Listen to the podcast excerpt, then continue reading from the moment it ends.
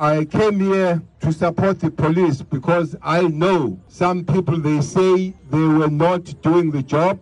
Some people will say they have withdrawn, they've left here, and I know for sure they can't do that. It's part of their job to be where the communities are set. They can't just go.